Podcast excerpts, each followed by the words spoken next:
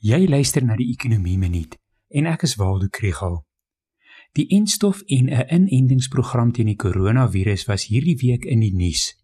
Dit klink of ongeveer 6 miljoen mense met die eerste ronde van die COVAX-inisiatief gehelp sal kan word.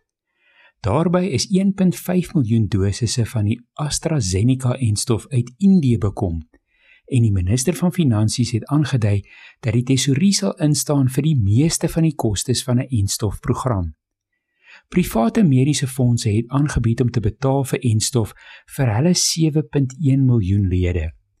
Dan is daar ook voorgestel dat die mediese fondse vir nog 7.1 miljoen nie lede kan betaal.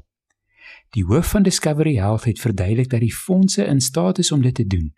Hulle het groot reserves en hoewel daardie reserves aan die lede behoort, kan hulle eenvoudig 2 maal die prys vir 'n enstof betaal en dan die helfte vir die solidariteit Identiteitsfonds skenk.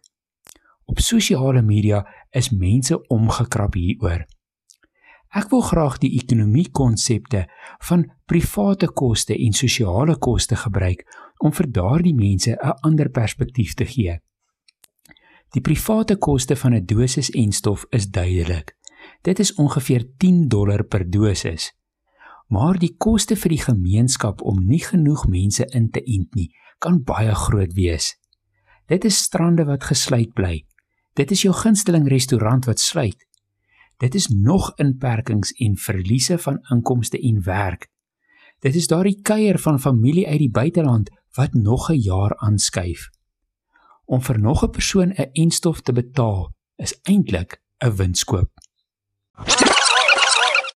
As jy meer van die ekonomie wil leer, volg die ekonomie blok.